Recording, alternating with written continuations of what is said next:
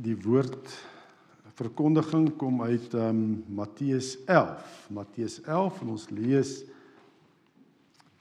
vers 2 tot vers 19. Matteus 11.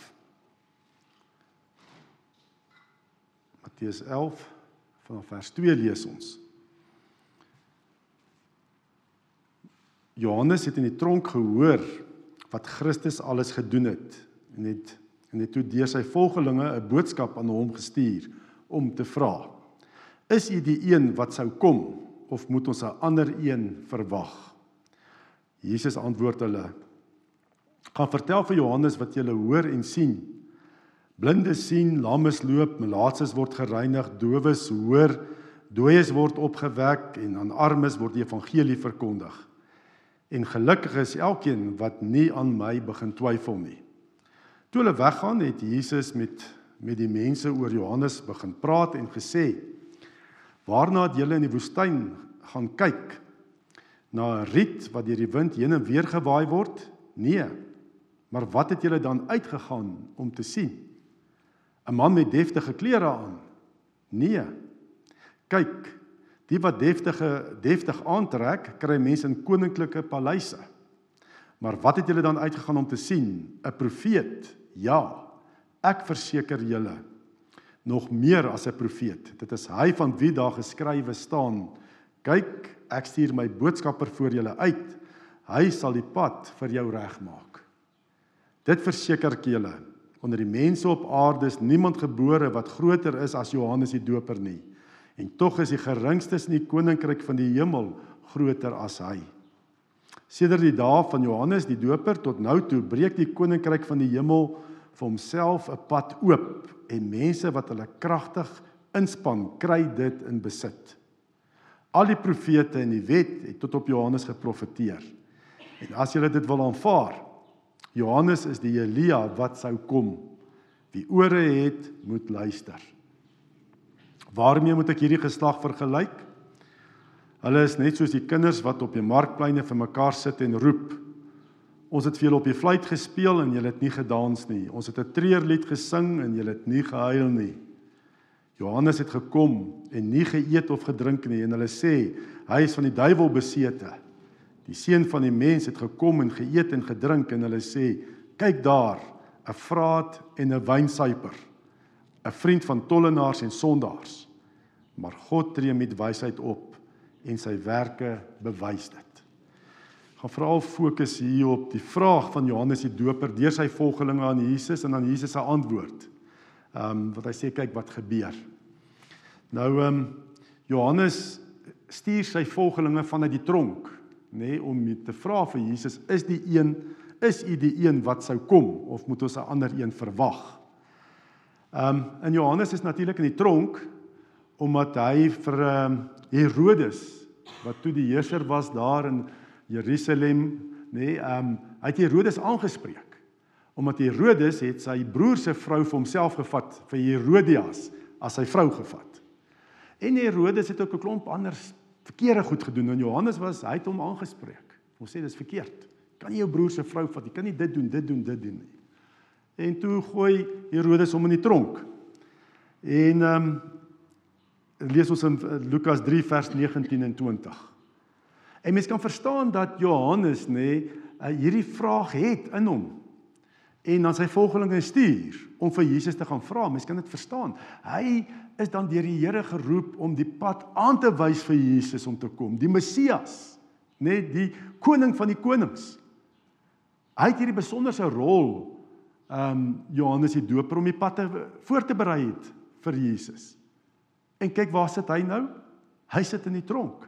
Dit gaan nie goed met hom nie. Nee, ons ons word ons maar baie maklik ons dis menslik, nê? As die omstandighede nie lekker lyk nie, dan skielik begin ons vra vra. Wonder, maar Here, waar is U? Wat gaan aan? En so het dit met Johannes ook maar gebeur, nê? Hy sê, "Maar Here, ek het dan die pad vir U voorberei, nê? En hier sit ek in die tronk. U kan ons my bevry. U is almagtig. Hoekom kry ek so swaar?" En hy kom met hierdie vraag deur sy volgelinge na Jesus toe. En dan is Jesus se antwoord ook eintlik vreemd. Weet uh, vir my is dit eintlik ook vreemd as jy dit lees hoe Jesus antwoord. Um, want ek's gewoond en 'n mens maar ook half teologies opgelei. Jesus behoort nou eintlik die Ou Testament nê aan te gehaal het en sekere profeseë oor die Messias en dit uitgelê en van toepassing op hom gemaak het. Maar hoe antwoord Jesus? Hy dit is asof hy die vraag eintlik die antwoord vir my, die vraag vir my. Hy sê net kyk wat gebeur. Dis al. Ehm um, Johannes vra 'n direkte vraag en Jesus antwoord so half op 'n ander manier. Jy weet so half wat hy die vraag ontwyk. Sê nie reguit en wys uit die Ou Testament presies hoe hy te geprofeteer is dat hy is die Messias nie. En ehm um, ja, so die Jesus se antwoord vreemd, ongemaklik vir my half die vraag. Maar dan dink ek die fout lê natuurlik nie by Jesus nie, lê by my. Want dit gaan maar oor hoe ek kyk na die wêreld, hoe ek dink Jesus behoort te gewees het, nê, soos wat die ehm um, ook die Jode, nê, hulle het 'n ander Messias verwag as wat Jesus was, nê. Hulle het gedink en Johannes die Doper het ook maar seker so in daai lyn gedink van die Messias wat gaan kom, gaan die Joodse volk bevry. En gaan my bevry van hierdie heidense koning Herodes. Nee, dit gaan oor ons westerse en in myself ook as baie keer die Bybel lees en jy lees dinge en dit maak nie lekker vir jou sin nie. Weet waaroor gaan dit baie keer? Dit gaan oor ons lewens en wêreldbeskouing. Hoe ons kyk na die lewe, hoe ons die lewe interpreteer. Net as blinde kolle in ons lewens en wêreldbeskouings. Daar's ook en ons moet weet ook die Bybelse lewens en wêreldbeskouing en ons lewens en wêreldbeskouings is nie te sê dit stem ooreen nie. En uh, om 'n lewens en wêreldbeskouing te te verduidelik wil ek eintlik net wys op die verskil tussen verskillende lewens en wêreldbeskouings, nê? Nee, die verskil tussen die westerse lewens en wêreldbeskouing en die oosterse lewens en wêreldbeskouing. Ehm um, ek lees in 'n boek dat antropoloë het na die Tweede Wêreldoorlog, kort na die Tweede Wêreldoorlog, oorlog, het hulle na die verre ooste gegaan om te gaan kyk wat is die lewens en wêreldbeskouing van Asiërs. Nee, wat is hulle uitkyk op die lewe? Hulle denkprosesse. En hoe verskil dit natuurlik van die weste? En hulle het nou vrae gevra, duisende, hulle het onderhoude gevoer met duisende Asiërs en hulle het uh, veral vrae gebaseer op uh silogismes, nê? Nee? Silo silogismes het hulle baie snaakse antwoord gekry van die Asiërs, nê? Nee? Silogisme beteken dit is 'n formele skema van deduktiewe redenering, nê? Nee? Dis 'n formele skema van afleidende redenering, want dis absoluut westers, nê? Nee? Jy maak afleidings vir ons logika. Ehm um, byvoorbeeld die vraag, nê, nee, wat nou ge, gebaseer is op silogismes wat gevra is, 'n tipiese vraag is 'n katoen groei nie in koue weerlande nie. Engeland is 'n koue weer land. Groei daar katoen in Engeland? Is die vraag dan gevra. En verbasend het die meeste Asiërs gesê nee, hulle is nie bekwame om daai vraag te antwoord nie. Want hulle was nog nie in Engeland nie. Sien hulle kyk anderster. Ons westerlinge word opgelei in hierdie deduktiewe afleidings, nê? Nee? Van kindsbeen af word jy groot om so te dink. Ek dink 'n kind op skool, nee, westerse kind op skool sal sê nee, katoen groei nie in Engeland nie, dis te koud daar. Nee, dit sou outomaties die antwoord gewees het. Maar hulle kyk anderster.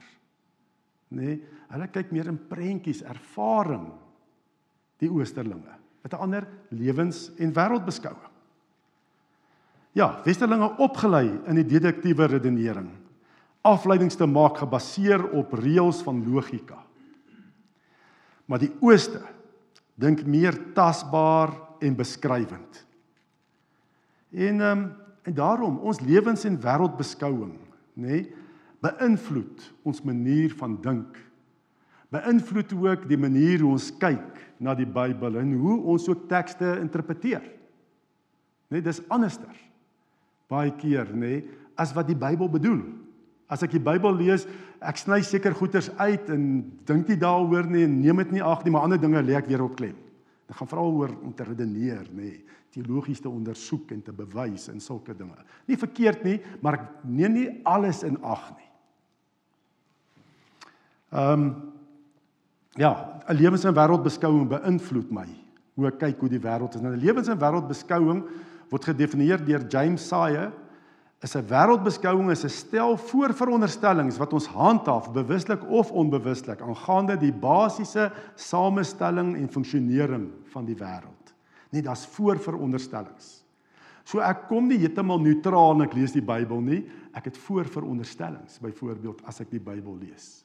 Nee, daar's basiese voorveronderstellings hoe ek na die lewe kyk, hoe ek alles interpreteer. En ehm um, 'n lewens- en wêreldbeskouing is nie iets wat jy eintlik doelbewus aangeleer het nie. Ons het dit maar eintlik geabsorbeer in die samelewing wat ons groot geword het. In die westerse samelewing wat ons groot geword het. Ons het geabsorbeer. Dis maar net hoe ons kyk na die lewe. Nê? Nee, jy het nie doelbewus aangeleer nie. Dit wat jou ouers vir jou geleer het in die huis, wat jy by die skool leer, wat die media sê, wat die kuns is, wat uh wat die wetenskap, nê, nee, dit is jy jy absorbeer dit net. En uh in 'n lewens- en wêreldbeskouing, mense gaan sit nie baie keer stil en sê maar is dit die volle waarheid nie? Is dit reg nie? Eilik word hierdie stel voor vir onderstellings word eintlik net aanvaar. Word nooit bevraagteken nie. Dit word nie sommer in 'n samelewing um aangepas of of reggemaak nie. Dis maar net hoe dit is. En um ons neem sommer aan ander mense kyk ook na die lewe soos ons daarna kyk. En as hulle nie soos ons na die lewe kyk nie, dan is hulle verkeerd. Ons is reg. Ons het die volle prentjie oor die waarheid. Dis wat mense net aanneem.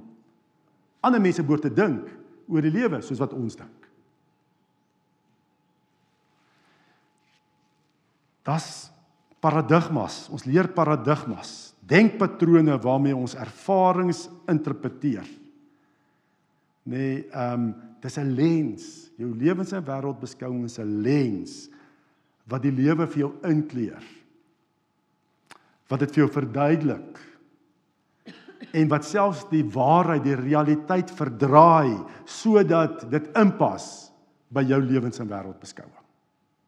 So ons kan kyk na sekere dinge nê en dan verdraai ons dit vanweë die lens, die paradigmas nê wat ons aangeleer het. Verdraai ons die realiteit sodat inpas by hoe ek die wêreld sien. En so kan ek ook na die Bybel kyk en dit verdraai, nê, nee, sodat inpas by hoe ek vandag na die lewe kyk en die wêreld kyk. Ons moet pas op daarvoor. Dit veroorsaak blinde kolle. Ehm um, ja, baie keer ignoreer ons sekere dinge want dit pas nie in by ons lewens en wêreldbeskouing nie. Westerse wêreld, die westerlinge veral, die geesteswêreld, nê, nee, word eintlik geïgnoreer oor die algemeen. Want dit pas nie in by ons logika nie. By ons ehm um, ja, soos ek dan gesê daai daai deduktiewe ehm um, die die deduktiewe redenering, dit pas nie in die geesteswêreld nie. En dan ignoreer ons dit. Daar's 'n professor, Dr. Paul Hibbert. Nou hy was 13 jaar 'n professor aan Fuller Seminary School of the World Mission. 13 jaar 'n professor. En hy het hierdie blinde kolle in sy lewens en wêreldbeskouing uh, geïdentifiseer en besef nadat hy na Indië toe gegaan het om daar sendingwerk te gaan doen. Um en toe het hy besef maar daar is dinge wat hy nie in ag neem Hy skryf van ook, daar was by hom ook, nee, hy skryf byvoorbeeld en ek wil hom aanhaal.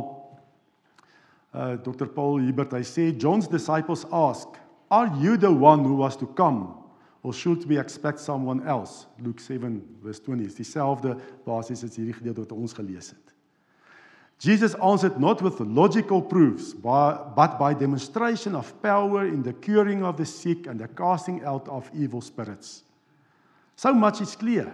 Yet, when I read the passage as a missionary in India and sought to apply to missions in our day, I had a strange uneasiness. As a Westerner, I was used to presenting Christ on the basis of rational arguments, not by evidence of his power in the lives of people who were sick, possessed, and destitute.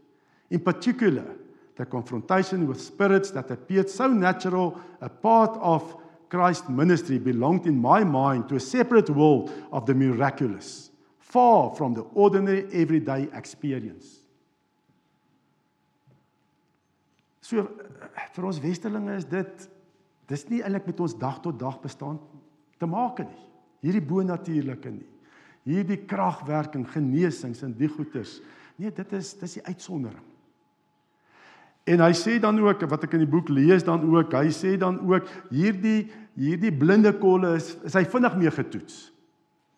Want hy daar in 'n village, nê, nee, het hy sendingwerk gedoen, hy het vanuit sendingstasie hierdie village bedien en toe pokke, 'n pokkeplaag uitgebreek in hierdie village, hierdie dorpie in Indië. Pokkeplaag nou blykbaar is dit 'n ernstige siekte gewees behalwe dat miskien nou inentings nê.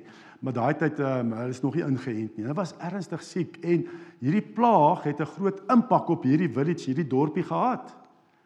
En toe die oudstes, die leiers in hierdie village het toe 'n 'n geestelike spiritual healer, nê, toordokter gekry om te sê kom help want die mense gaan dood. Kinders gaan dood. En daai die toordokter het gekom en sê ja, maar dis die godin van pokke is kwaad vir hierdie dorpie. En hulle moet 'n uh, wa, um, waterbuffel offer om hierdie godin tevrede te stel. Weet vandag sal baie keer ook nog in kulture gebeur dit, nê? Om 'n waterbuffel offer om hierdie godin tevrede te stel. En uh, die oudstes, die leiers van hierdie dorpie het toe geld gekollekteer om 'n waterbuffel te koop onder die villagers, die dorpenaars Maar die Christene het toe nie gesê nee, hulle gee nie geld hiervoor nie. En toe word die leiers in die dorpie baie kwaad en gesê okay, maar nou mag julle nie water skep hier uit die putte nie.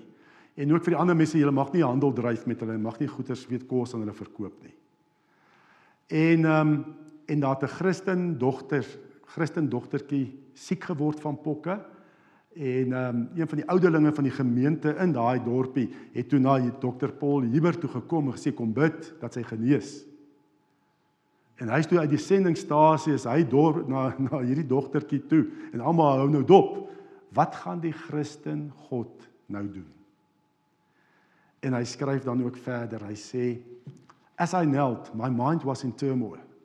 I'd learned to pray as a child, studied prayer in seminary. Dis tipies westerlings, nê? Hoe ons dit nê? Studied prayer in seminary, preach it as a pastor. But now I was to pray for a sick child as all the village watched to see if the Christian God could heal. Het 'n ander wêreldbeskouing. As die Christen God bestaan, dan gaan hy genees. Outomaties. Klaar. Ja, en dan vra Dr. Paul Hubert, vra hy dan self die vraag vir hom. En hy sê dan hy sê ook hoekom? Hoekom is Jesus se antwoord aan Johannes die Doper se disippels het dit hom so ongemaklik gemaak? Hoekom was hy so ongemaklik om te bid vir genesing, vir bonatuurlike genesing vir hierdie Christen dogtertjie wat pokke het? Ehm um, hoekom? Hoekom is dit so moeilik vir ons om te bid vir genesing? Net die probleem is dit het doen met ons lewens en wêreldbeskouing. En ons moet dit ondersoek. Kyk ons na die lewe soos wat God daarna kyk volgens sy waarheid, die woord. Ons het voorveronderstellings baie keer aangaande realiteit en die funksionering van die wêreld. En sekere dinge sny ons net uit. En dit speel nie 'n rol nie. Neem dit nie in ag nie. Dit daar's 'n blinde kol in die meeste westerse Christene se lewens en wêreldbeskouing.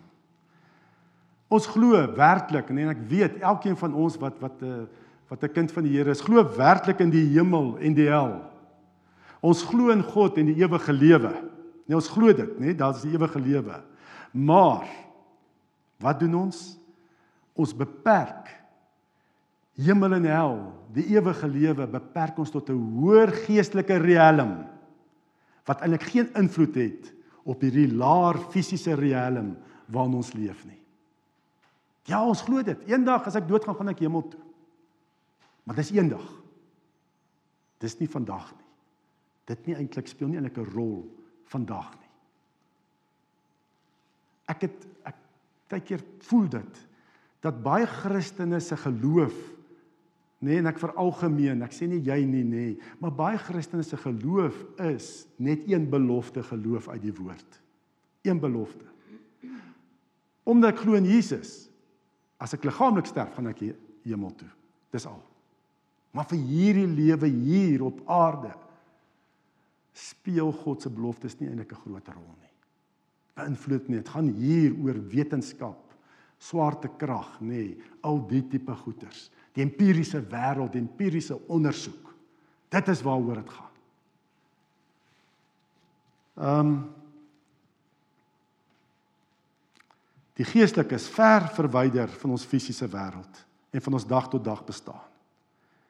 Ons leef in 'n fisiese riem van wetenskap en empiriese navorsing. Geen interaksie tussen hierdie twee riems eintlik nie, bitter min um interaksie. Godsdienst en wetenskap het eintlik niks met mekaar te doen nie. Weet ook baie mense sê ook, hy as jy by werk kom, los jou godsdienst by huis. As om met wetenskap te doen het nê, nee, los jou godsdiens. Want anders kan jy nie regtig wetenskap beoefen nie. So sê baie mense. Ons misken baie keer die invloed van engele en demone op ons lewens. Ons misken die Heilige Gees se bonatuurlike gawes en tekens en wonders. Dis die westerse lewens- en wêreldbeskouing. Maar die nie-westerse lewens- en wêreldbeskouing in die Ooste en in Afrika en Suid-Amerika nê, hulle het baie ruimte vir die geestelike invloede. En daarom het hulle verwag as die Christen God bestaan, dan sal hy genees, dan sal hy hierdie dogtertjie genees. Dit is die bewys. Die Weste maak 'n duidelike onderskeid tussen die natuurlike en die bonatuurlike en die ongewone wat gebeur in die natuurlike, nê, nee, is daar in die natuurlike nie volgens die swaartekrag wettig um, iets gebeur nie, nê, nee, dan dan sny ons dit uit en sê dis maar toeval. Dis toevallig dat dit op 'n sameloop van omstandighede. Verstaan jou lewens- en wêreldbeskouing sny dit uit. Interpreteer dit en maak dit eintlik af as toeval, sameloop van omstandighede, sulke tipe goeters. Want die die die ehm um, wette die natuurwette het nou nie hier heeltemal gefunksioneer soos wat ons met ons deduktiewe afleidings sou gedink het dit moet funksioneer nie. Maar die Bybel het 'n ander beeld. Nee, die Bybel het ruimte vir beide. Die Bybel het sy se lewens en wêreld beskouing, as ons dit so kan stel, nê, nee, daar's 'n interaksie tussen die natuurlike en die bonatuurlike. Dis wat die Bybel duidelik leer. Daar's daar's absoluut die natuurlike en bonatuurlike meng met mekaar. Daar's interaksie. Maar die Bybel is ook teen hierdie ekstremes, nê, van die westerse lewens- en wêreldbeskouing en die oosterse lewens- en wêreldbeskouing. In die Bybel is daar ruimte, ja, dat baie siektes is die oorsaak van demone, nê? Die Bybel sê dit. Jesus het klomp siektes genees en demone uitgedryf. Maar die Bybel het ook ruimte vir siektes wat nie 'n demoniese geestelike oorsprong het nie, nê? Waar daar ook medisyne gebruik word. Die Bybel het al twee. So die Bybel spreek eintlik al twee lewens- en wêreldbeskouings aan, nê? Die ekstreme, nê? Die ekstreme van die weste vir die empirisisme van die weste, nê? En dan ook spreek ook die animisme van die oosterse lewens- en wêreldbeskouing aan. Weet die oosterse wêreld en lewens- en wêreldbeskouing sê alle objekte, selfs daai bank, nê, het 'n siel of 'n gees. En alles wat gebeur hier op aarde is die gevolg van die geeste se werking. Maar die Bybel sê nee, dit is nie heeltemal. So dit spreek dit aan, maar spreek ook die westerlinge wat alles net reëls, net wette, so, nê, daai empirisisme. Spreek dit ook aan. Ja, baie siektes het 'n geestelike oorsprong. Ander siektes het 'n natuurlike oorsprong. Daar's plek vir die dokter en vir genesing, nê, nee, om te bid vir genesing. Ehm um, Lukas wat Handelinge geskryf het, was 'n dokter in sy tyd gewees. Dit is nie fout nie. Maar sekere siektes gaan jy nie genees met natuurlike middele nie, want dit het 'n geestelike oorsprong.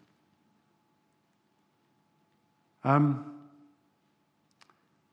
ek so 'n paar weke paar weke terug bel Prof Wenzel Koetser my uit Potch. Saterdag aand en sê kan ek asseblief dat hierdie persoon my kom sien vir bevryding? Is sy is 'n gelowige, maar sy ervaar absolute aanvalle van demone van die bose in die nag. Sy is 'n swart vrou en sy kom, sy kom sien en ek en Celeste lei haar en het het 'n paar sessies met haar en sy was deel van daai kerk in Pretoria, nê, nee, van daai Malawiese ehm um, pastor pastor die Bushiris, nee, die Bushiris. Jy het nie nuus gehoor daarvan wat hier in 'n vliegtyg lyk my saam met 'n amptenaar van Malawi gevlug daar. Maar was 'n massiewe kerk in Pretoria. Hulle het lyk my die skougronde bymekaar gekom en hulle het daai sale volgemaak het op verskillende venues gehad, verskillende sale wat hulle volgemaak het. Sy was daar. Sy ervaar nou hierdie demoniese werking en ons bid, ons bid saam met haar. En as ons bid en ons ons bid en ons praat oor weet want sy sê daar is uit met olie, verskriklik olie gesalf. Daar's nie verkeerd salwing met olie, maar dit het 'n groot rol gespeel. Olie salwing, heilige water. As ons bid oor daai goeters nê, dan dan begin sy rond te ruk en val rond in goeters. Goeters manifesteer elke keer. Ons moet bid en die goed aanspreek. Ons het, het 'n paar sessies met haar gehad om los te kom van hierdie bose inwerking. Ehm um, die die die hoe manier wat sy daar rondry is nie natuurlik nie. Dis dit dit dis verskriklike rukkings en dinge wat uitkom. Ek ook ek staan op die siekbed van 'n man. Dokter sê eintlik ook dit is weet hulle kan niks vir hom doen nie. Sy organe het ingegee. Ehm um, ek die Here lei my en en uh, dis nie iemand wat jy ken nie, is nie glad in die gemeente nie, is nie eers hier van Johannesburg nie. Ehm um, die Here lei my en ek kon lei dat hy sy geloof in Jesus bely, wonderlik, nê, nee, dat hy glo in Jesus. En uh, met 'n tweede besoek kom ek daar en hy sê vir my maar hoor hierso ehm um, demone, demone val hom aan. Nou ek moet vir julle sê, sy 10 jaar terug was ek net so, so groter as hy geskrik het. Ou goeters. En ek bid, bid dat dit sal ophou en elke keer wat ek bid en dit doen nê, dan dop sy oë so om en jy sien net die wit. En hy's so half in 'n trance, hy's net weg op hy siekbed. Ehm um, Ja, nou daar's baie mense as jy met hulle praat oor dit, nê, sal hulle verklaar, nee, dis ek weet nie wat nie, die medikasie of wat ook al. Ek vra vir die suster na tyd is hy op pynmedikasie sê nee, geen pynmedikasie. So dit is dis die ding net, ons moet ons met ons kyk hoe ons kyk na die Bybel. Ons ek dink die Here wil baie meer hier in en deur ons doen as wat ons nou beleef en ervaar. Maar dan moet ons 'n Bybelse lewens- en wêreldbeskouing kry. Moet ons na die lewe kyk soos wat God daarna kyk, soos wat Jesus daarna gekyk het. Dit's absoluut belangrik. Daar's baie meer wat die Here wil doen. In 2008 het ons die visie verander van die gemeente nê, omgee gemeente gesalf vir genesing en bevryding. Daai tyd het ek nie geweet wat hierdie woorde beteken nie. Maar dit gebeur seker weekliks. Ek ervaar dis weekliks wat mense kom, nê. Dis mense buite die gemeente wat kom vir bevryding om los te kom van hierdie dinge. En dis nie net ander kulture nie. Wit Afrikaans sprekende mense kom en daar kom bevryding vind plaas. Kom ons bou ons lewens en wêreldbeskouing op Jesus Christus. Want hy alleen nê nee, het die volle waarheid. Kom ons bou dit op die woord. Kom ons kom onder Jesus se beheer omdat ons sy lewens en wêreldbeskouing het. Dan gaan die Gees deur ons werk en dinge verander. En as ons kyk, ek wil net so 'n paar punte uitlig in Jesus se lewens en wêreldbeskouing. Nee, Jesus het geleer dat God 'n Vader is wat vir ons lief is. Ek was ek het so lank in die kerk groot geword en gedink God die Vader is 'n streng Vader wat my eintlik net wil dissiplineer. Maar as jy kyk hoe Jesus met sy Vader gepraat en hoe hy ons uitnooi ook om na die Vader te kom. En hy sê hy doen maar net wat hy die Vader sien doen dit nie. So Jesus se lewe het God die Vader se hart kom vir ons demonstreer, kom wys. Dan spreek dit van liefde. En Jesus praat nê nee, in 'n gelykenis waar hy 'n gelykenis vertel om God die Vader te beskryf vir ons, nê. Nee, hy praat dan hy praat oor geestelike dinge en hy vertel alledaagse storie dat ons dit kan verstaan, nê. Nee, vertel Jesus die gelykenis van die verlore seun. Maar is eintlik 'n gelykenis om God die Vader vir ons te beskryf. En hy vertel hoe daai seun op sy pa sy rug op sy pa gedraai het, nê, nê en, en sy erfporsie gevat het. So daai seun het eintlik gesê, "Pa, jy's dood vir my." Nê, want ek vat my erfporsie alreeds. So jy's dood. En jy weet hy het alles gaan gaan uitmors tot hy in 'n varkhok beland het en dan draai hy om. En sê hy daai speech wat hy vir sy pa gaan sê ek is nie meer werd om 'n kind te wees nie. Ek sal net 'n slaaf wees in die huis. Dit is beter om 'n slaaf in die huis te wees nee as om daar in die varkop te sit. En dan staan daar van ver af sien die vader sy seun kom terug van ver af. En dan staan daar die vader hardloop na daai seun. So God die Vader as ons terugdraai na God, hy hardloop na ons. Hierdie seun probeer nog praat, die pa ignoreer dit en sê sit vir hom 'n ring aan. Ek herstel jou in jou posisie as my kind. Dis dit is wie God is. Ja, hy het ons lief. Maar natuurlik, met ons moet gehoorsaam wees want dis die beste plek om te wees in die Vaderhuis, nie daar in die wêreld, ongehoorsaam in die wêreld waar ons ons eie lewe lei nie. En dan kom Jesus ook nog 'n punt is hy leer die bestaan van die geesteswêreld. Jesus leer dit baie duidelik. En die geesteswêreld het ook 'n invloed in jou lewe. Jy as westerling. Jy wat dalk baie geld het en alles val mooi in plek. Die geesteswêreld het ook 'n invloed op jou. Ek dink net 2020 het gewys ons koninkrykies kan net so gevat word, kan net so val. Die geesteswêreld bestaan net 'n invloed. Jesus leer, daar's twee koninkryke, daar's koninkryk van God en die koninkryk van die duisternis, nê, van Satan.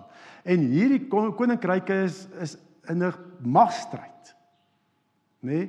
En daar's 'n konfrontasie tussen hierdie twee koninkryke. Maar die koninkryk van God, die beslissende veldslag is gewen deur die koninkryk van God. En daai beslissende veldslag was gewees daar aan die kruis toe Jesus gesterf het vir ons sondes. Toe is die mag en die krag van die koninkryk van die duisternis gebreek. Satan en sy magte is oorwin deur Jesus toe hy gesterf het vir ons sondes aan die kruis en opgestaan het uit die dood. So die dood se mag, die angel van die dood is uitgehaal, die sonde, daar's verzoening gedoen, is gebreek. En Jesus sê toe hy opvaar na die hemel toe, aan my is alle mag gegee in die hemel en op die aarde. Um Paulus skryf in Kolossense 2 ook van die die die oorwinning van Jesus nê. God het julle egter saam met Christus lewend gemaak deurdat hy ons al ons sondes vergewe het. Hy het die skuld bewys met sy eise teen ons tot nul gemaak. Deur dit aan die kruis te spyker het hy dit vir goed weggeneem. Hy het elke mag en gesag ontwapen en hulle openbaar vertoon deur hulle as gevangenes in die triomftog van Christus mee te voer. Vierde kenmerk, nê, nee, Jesus leer net dat daar magstryd is en dat daar konfrontasie is. Jesus as hy genesings gedoen het, hy's gekom, hy het die bose gekonfronteer. En hy sê ook vir ons, hy stuur ons soos skape onder wolwe in. So jy moet ook weet, jy is in 'n oorlog as 'n volgeling van Jesus. Daar's 'n konfrontasie aan die gang. As jy die evangelie, nê, nee, as jy wil getuig, nê, nee, die bose gaan nie stil staan nie. Gaan nie stil bly nie. Daar's 'n konfrontasie elke dag, 'n konfrontasie met die bose. Moenie toegee nie. Deur Jesus se autoriteit kan jy die bose oorwin in jou lewe, in jou gesin, in jou werk, waar dit ook al is. Daar's 'n konfrontasie, ons moet weet, uh, die geestelike oorlog voer. En dan ook ehm um, dan ook Jesus en sy disippels nê nee, het al hulle krag gekry van die Heilige Gees. Ons moet deur die Gees wandel. Jy gaan dit nie uit jou menslike vlees regkry om die bose te oorwin nie. Jy gaan nie vlees met vlees oorwin nie. Dis net deur die krag van die Heilige Gees. Jesus het eers as Messias begin optree na sy doop, nê?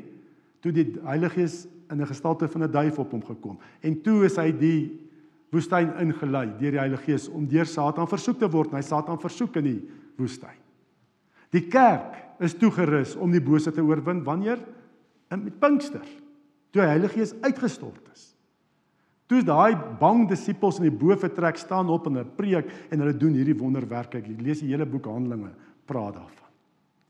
Net deur die krag van die Heilige Gees alleen. Jy moet 'n verhouding hê met die Heilige Gees. Jy moet sy werking ken in jou lewe. Jy moet sy gawes ken.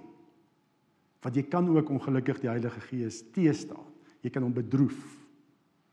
Moenie die werk van die Heilige Gees in jou beperk nie. En Jesus het ook maar net gedoen wat hy die Vader sien doen het. Ons wat so selfstandig en onafhanklik wil wees. Nee, die Bybel sê ons is afhanklik en afhanklik van God die Vader. Dat ons in ons lewens ook net sal doen wat hy wat ons sien die Vader doen. En dan kom die Heilige Gees en kom doen wonderwerke. Absoluut afhanklikheid teen hierdie gees van onafhanklikheid, van selfstandigheid, is ons as kinders van die Here totaal en al vir my hele lewe afhanklik van God. So ons kan nie in kompartemente leef en sê nou is ek by die werk, nou praat ek, nou is ek nou net nie meer 'n Christen nie. Hier's ander reëls nie. En Saterdag is nou is ek die, die sosiale ou, dan is dit nou iets anders nie. Sondagoggend is ek hier en nou is ek in die kerk. Nou nou is dit ander reëls wat hier geld. Ek het dit so ervaar my grootword proses op Brits, nê. Ehm um, daar was ek 'n kompartemente die my my verhouding met die Here was nie geïntegreer met alles in my lewe nie. Ehm um, ja, so 'n hele paar jaar terug het ons ook gaan kuier ehm um, op 'n plek en ehm um, ja, ek dit kom nou net skielik by my op.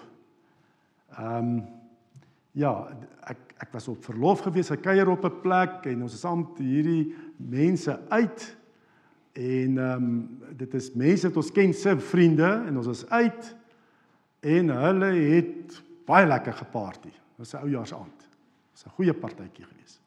En later toe wou ek en uh, Elsə Marino na huis toe gaan, maar daar's niemand wat ons is saam met die mense gery. En ons maar gesit en gewag en gewag en gewag en uh, hulle is vroliker en vroliker geword. En uh laat vroeë oggendure is ons toe huis toe en so. En die volgende oggend was 'n Sondag gewees. Die nuwe jaardag was op 'n Sondag en ons is daar in die kerk.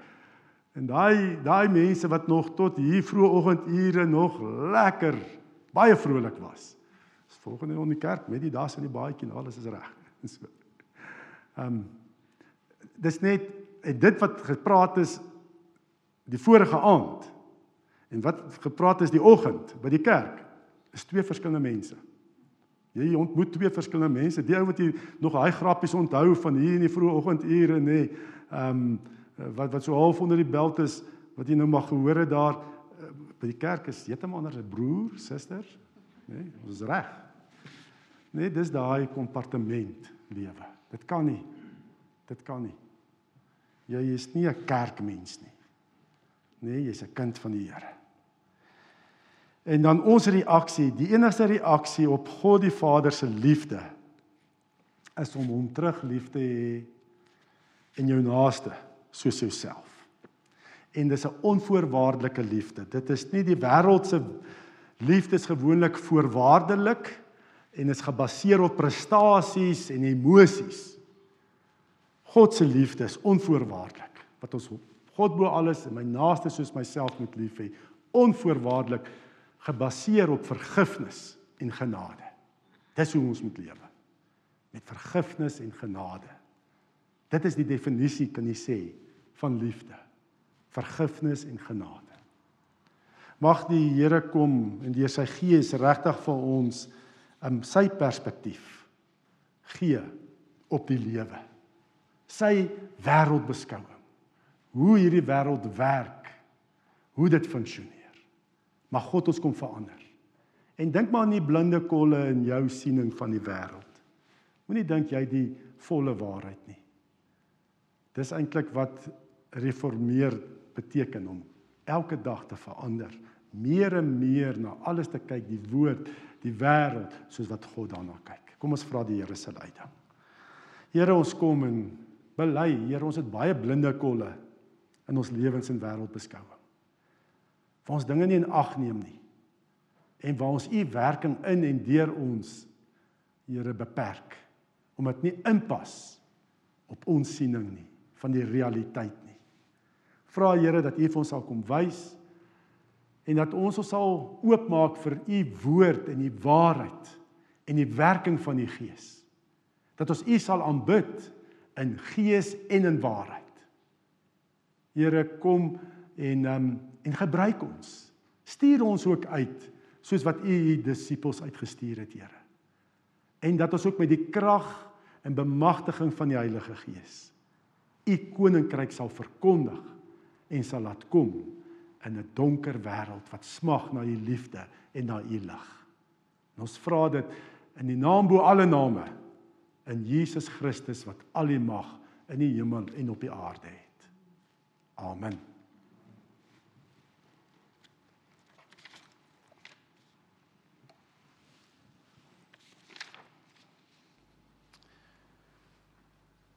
Ek noem maar net ook dat die kollektes is dit daar agter? Ja, daar is die kollektes. So as ons uitbeweeg, kan jy daar kollektes plaas. Die een houer is vir die diakonie. Ehm um, vir om nood te verlig en die ander een is vir die vir die kerkraad, nê, nee, om die bediening hier ook in stand te hou. En ehm um, ehm um, ja, ek weet nie is daar nog enige verdere afkondiging wat ons dalk net moet herinner. Onthou dan maar net asseblief ook krye almanak, muurkalender daar en ook eh, teken ook aan vir die potjie kos um, wat kom nou Saterdag asseblief. Kom ons bid net vir die Here se seën ook op ons finansies. Here, ons kom ook sê dankie ook Here dat U is ons bron van voorsiening en ehm um, ook Here as ons nou hierdie ja, hierdie offer bring ook, Here, ook ons ons dankbaarheidsoffer. Here dat U dit sal seën en dat U dit kragtig ook sal gebruik. Here om u koninkryk ook uh die koninkrykswerk hier te ondersteun met finansiële middele. En uh dat dit regtig Here verskil en 'n verandering sal bring um die finansies Here wat aangewend gaan word. Dit sal wees Here dat mense dat u geloof in prys word Here en dat dat uh mense sal kom om hulle lewens net meer en meer oor te gee in u hande. Lei ons Here en uh ek bid ook vir elkeen van ons Here. Ek bid vir werk die wat nie werk het nie. Here dat U uitkom sal gee en dat U 'n werk sal voorsien. Here, ek dink spesifiek aan Zelda. Ek bid Here dat dat U 'n deur vir haar sal oopmaak. En Jelyn ook, Here. Dat ek ook laas Sondag gehoor het ook nog nie 'n werk het nie. Dat U sal voorsien. Dat U vir hulle werk sal gee en dat hulle dan ook Here dan ook so U genade en voorsiening sal ervaar. Ek bid ook vir ons wat salarisse het, Here dat dat ons ook ons geld wys sal sal aanwend. En ook Here dat ehm um, U ook die plekke waar ons werk dat U dit sal seën ook. Daai kanale van voorsiening dan ook so sal oophou. Ook vir die van ons met eie besighede. Ons bid Here dat dat U seën op die besighede sal rus. Dit is so belangrik. Here en ehm um, ja, dat dat die besighede sal groei ook en ehm um, en dat ons ook so sal kan voorsien ook vir koninkrykswerk. Ons vra dit alles in Jesus se kosbare naam. Amen.